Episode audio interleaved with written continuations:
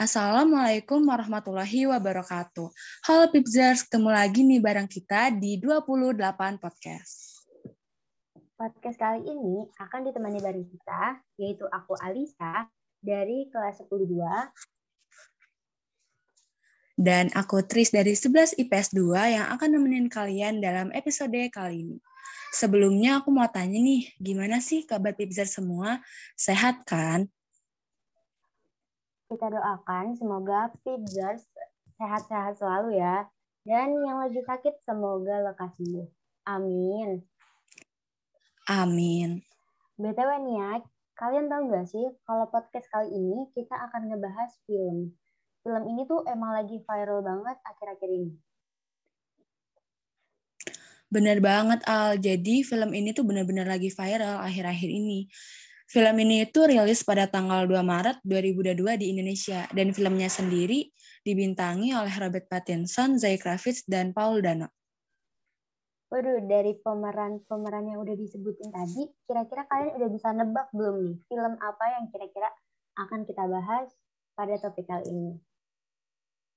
Seharusnya udah bisa sih ya, karena tadi di atas kita udah ngasih clue nih, mulai dari tanggal rilis dan para bintangnya.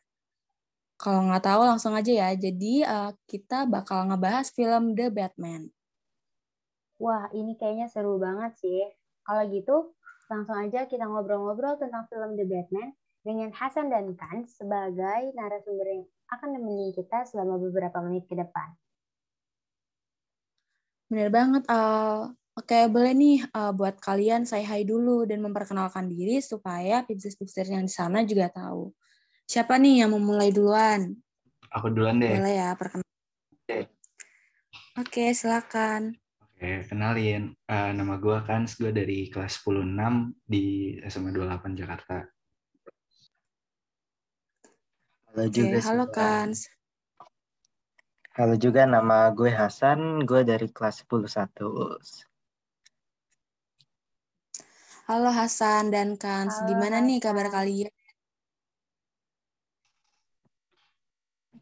Alhamdulillah kabar aku baik-baik aja. Sehat. Alhamdulillah sehat. Alhamdulillah.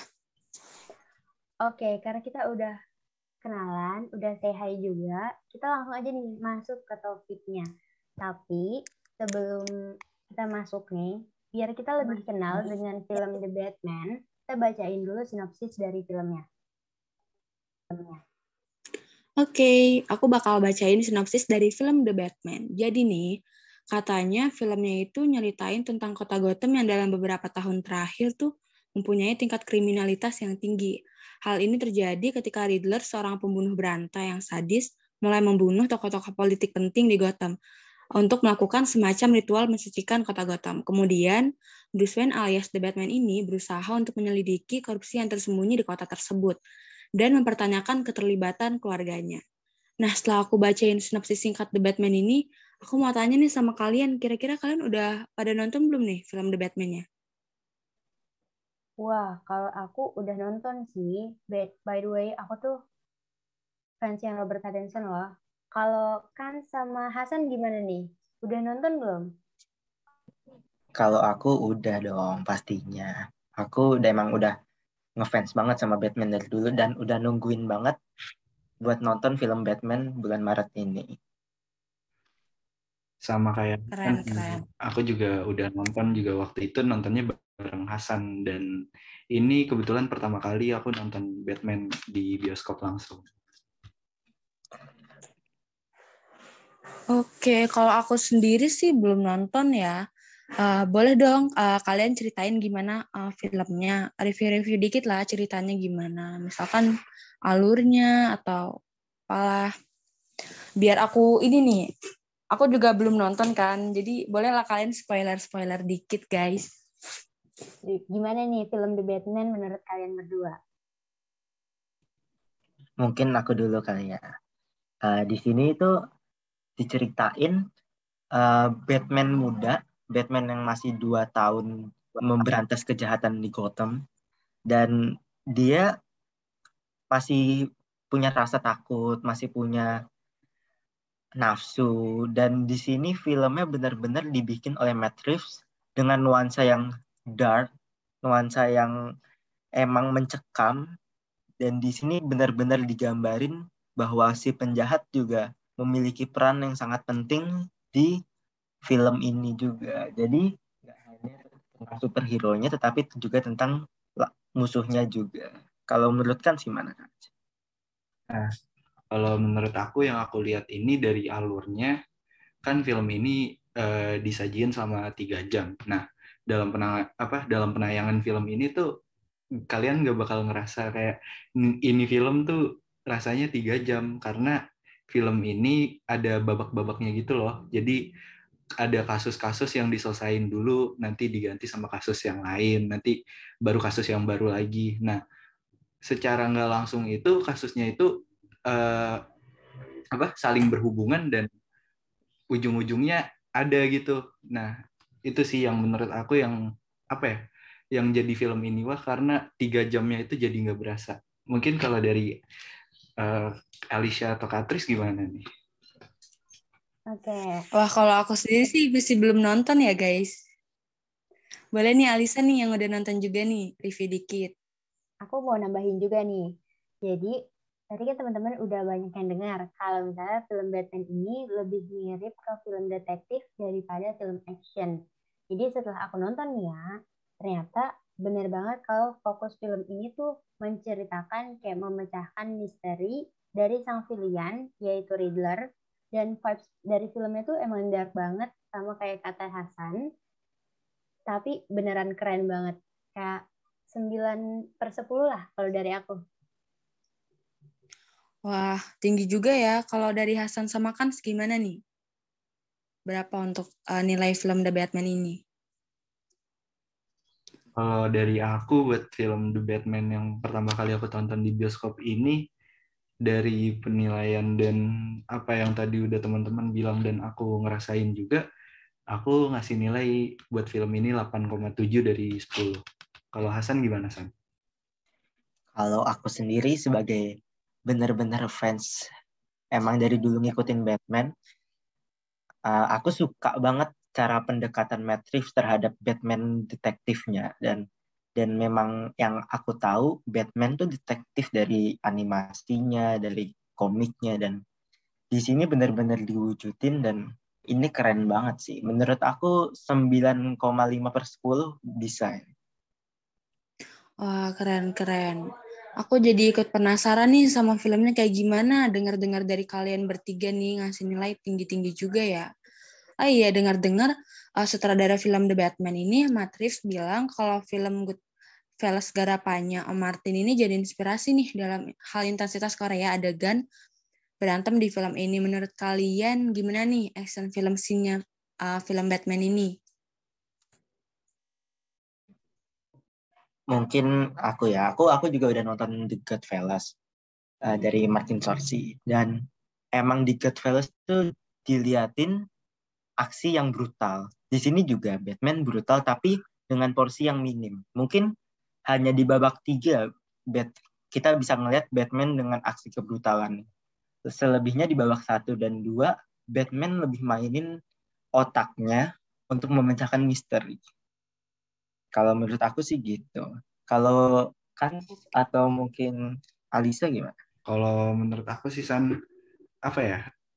Kalau dibilang ini apa ada hubungannya sama Goodfellas ini aku sendiri belum nonton sama apa dari Goodfellasnya itu. Cuma kalau dari yang aku lihat ini apa Batman tuh selalu punya apa ya satu prinsip. Dia nggak bikin apa korbannya apa bukan korban maksudnya musuhnya itu sampai yang benar-benar mati. Tapi kayak musuhnya itu di apa ya dibikin cedera aja itu udah cukup. Dan caranya Batman ngelakuin itu sampai ada satu scene di film dan iya tetap Batman tetap teguh sama prinsipnya dia nggak nggak mau ngebunuh orang.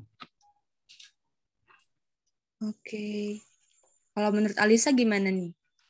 Oke, jadi kalau menurut aku scene actionnya emang sekece itu sih dan nggak cuma scene actionnya aja loh yang luar biasa tapi dari storytellingnya, dari misteri yang mau dipecahin, dari emotion of each karakter, terus dari sound effect-nya, itu kayak mengagumkan banget sih, kayak pecah banget gitu loh filmnya. Good job deh buat Om Rivers dan Mas Pattinson nih ya kan.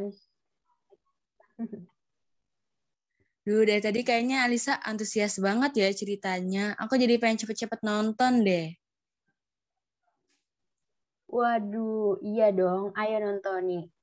Dan bagi kalian yang udah nonton, juga bisa akses teka-teki dari film The Batman di ratalada.com yaitu r a a t a l a d a.com. Kemungkinan sih pesan yang ada di teka-teki itu bakalan nyambung nih sama film selanjutnya.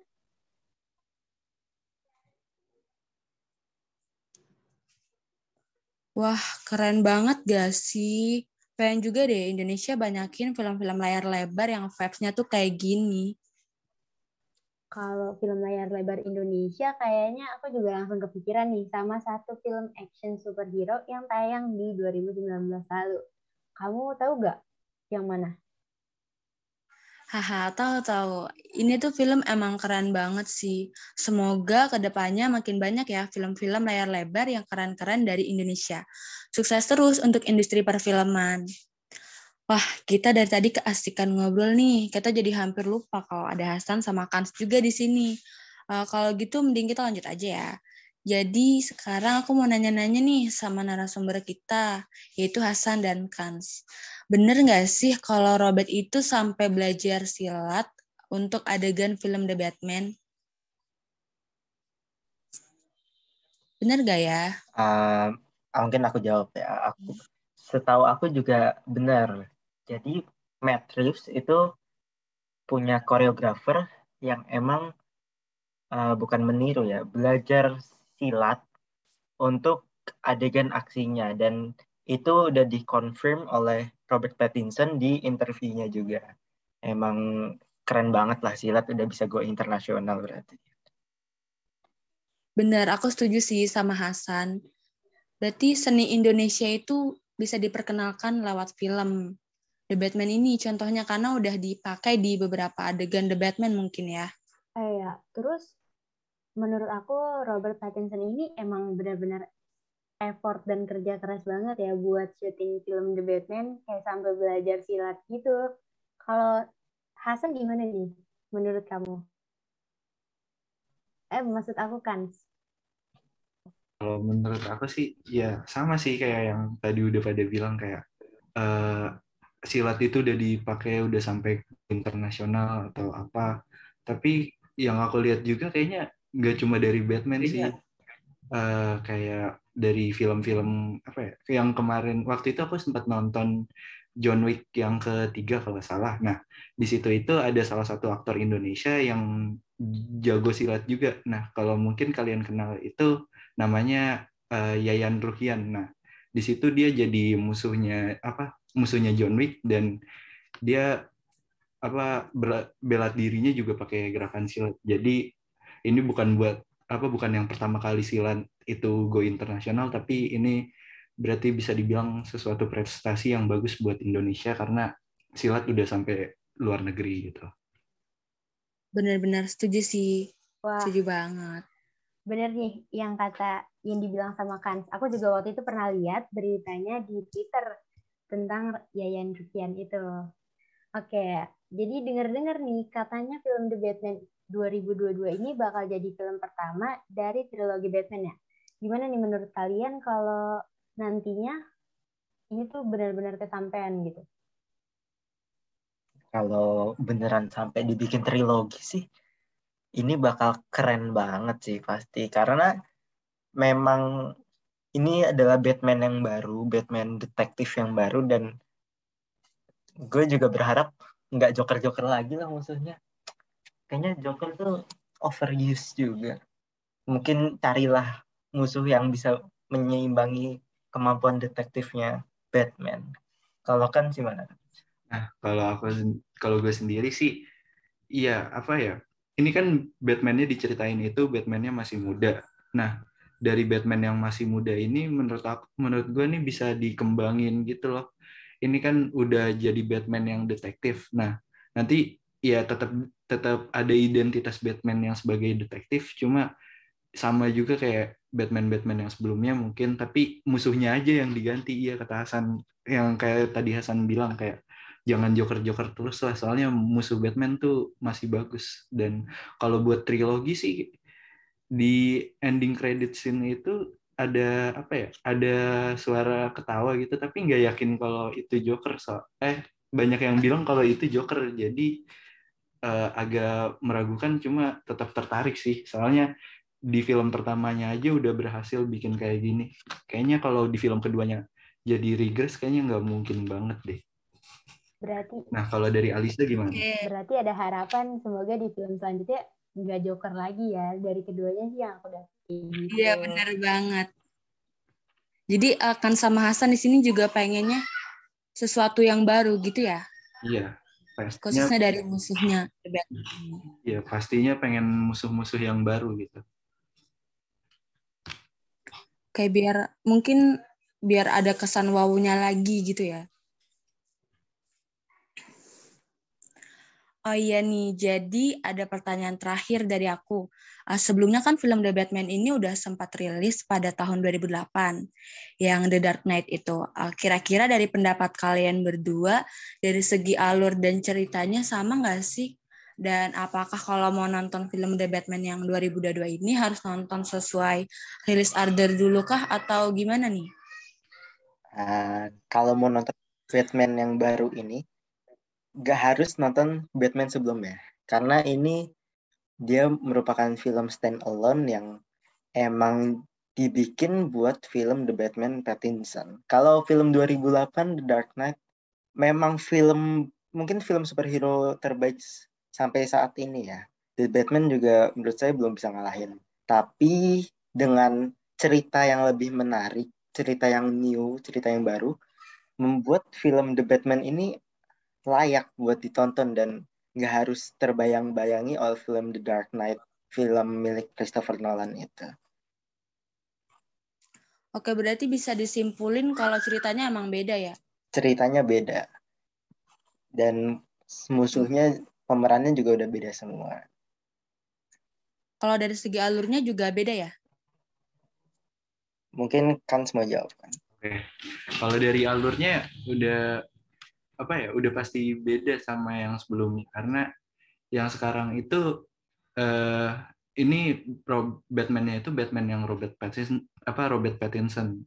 Beda sama yang uh, yang dulu itu itu apa Batman-nya Christian Bale. Jadi apa ya istilahnya ini membuat face bat apa muka Batman yang baru. Jadi beda dibilang beda banget iya beda banget sih Oke, jadi walaupun nggak nonton Batman selanjutnya, yang kita tetap no, tetap bisa nonton Batman The Batman ini ya. Iya, benar banget. Berarti um, kita bisa nonton ini secara terpisah yang nggak harus berurutan gitu.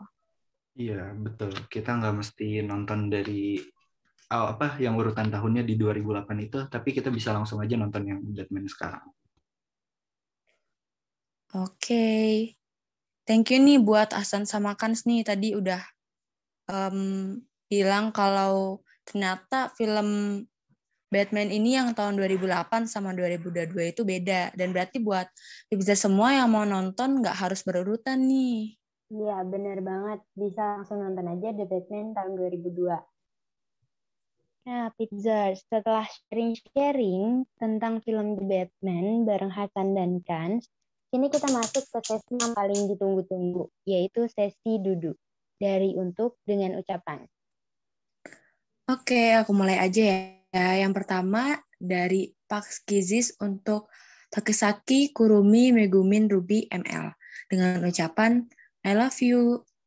Ini sih ucapannya terpaut singkat ya, tapi padat dan jelas. Setuju nggak, Al? Setuju banget nih, satu-satu banget nih teorinya. Duduk selanjutnya dari your partner untuk absen 8 kelas 11 MIPA 4. Kalau kata Deko sih, lo serem, galak lagi. Tapi kalau kata gue sih, lo itu lucu. Hehehe. Waduh. gimana nih ucapannya agak lucu sih, lucu. Sulit dimengerti gitu ya. Oke, next nih duduk yang ketiga dari inisial MR untuk Safira Nursas kelas 10 Dengan ucapan, I have a crush on you.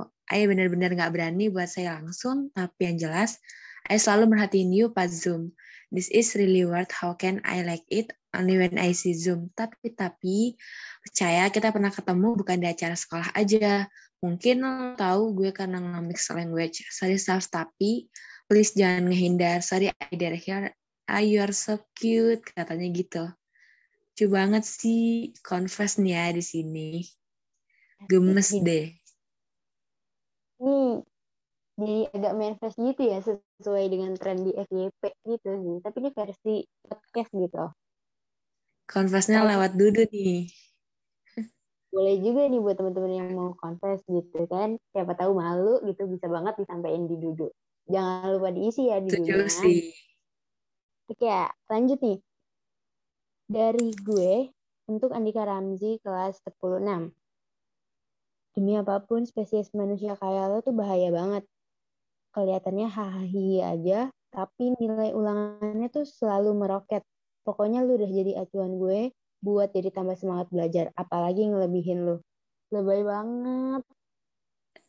Oke, jadi Ya ampun. Ini kita harus sih. Semoga gue ini bisa jadi kayak Ramzi lah ya. ya sesuai dengan yang diharapkan dari sendernya aja sih, semoga. Semangat sender. Amin. Semangat. Oke, Dodo yang terakhir dari strip untuk Dimas Wahyu Saputra 15 nih. Caps lock semua loh nih tulisannya. Oke, katanya gini, kalau jadi offliner jangan suka oleng, mekanik tinggi tapi sering star syndrome. Gitu dong katanya. Ya ampun. Uh, Oke, segitu dulu untuk duduk kali ini. Bagi teman-teman 28 yang duduknya belum dibacain atau mau dibacain di 28 podcast, bisa banget nih kirim duduk kalian ke broadcast duduk yang dibagikan di grup angkatan kalian. Wah, gak kerasa ya ternyata kita udah ada di penghujung episode nih. Saking serunya uh, kita cerita-cerita tentang film The Batman sampai nggak sadar kalau ternyata kita udah harus berakhir sampai di sini. Iya bener nggak kerasa ya ternyata. Kalau gitu makasih buat narasumber kita, Hasan dan Kans atas waktunya yang udah nemenin kita sharing-sharing tentang The Batman. Thank you sekali lagi untuk Hasan dan Kans uh, atas waktunya dan atas cerita-cerita kalian tadi. Um, udah ceritain alur The Batman, terus pendapat kalian tentang The Batman kalau dijadikan trilogi, dan sebagainya. Nah, setelah dengar cerita-cerita tentang film The Batman tadi nih, kalian pastinya udah tahu dong ya, kalau cerita The Batman ini bener-bener seru sih, dan recommended to watch banget. Bener banget nih, jadi jangan lupa buat nonton The Batman ya guys. Apalagi Bang Robert Pat Pattinson ini tuh kayak makin ganteng gitu di film yang baru. Loh, kamu bisa aja sih dari tadi tuh kayak kelapak-kelapak banget sama Bang Robert, ya ampun. Oke, tapi sayangnya kita harus cukupkan sampai di sini nih guys. Jadi sekian dulu dari kita, aku Tris. Dan aku Alisa, kita pamit undur diri. Sampai jumpa di 28 podcast selanjutnya. Dadah. Dadah.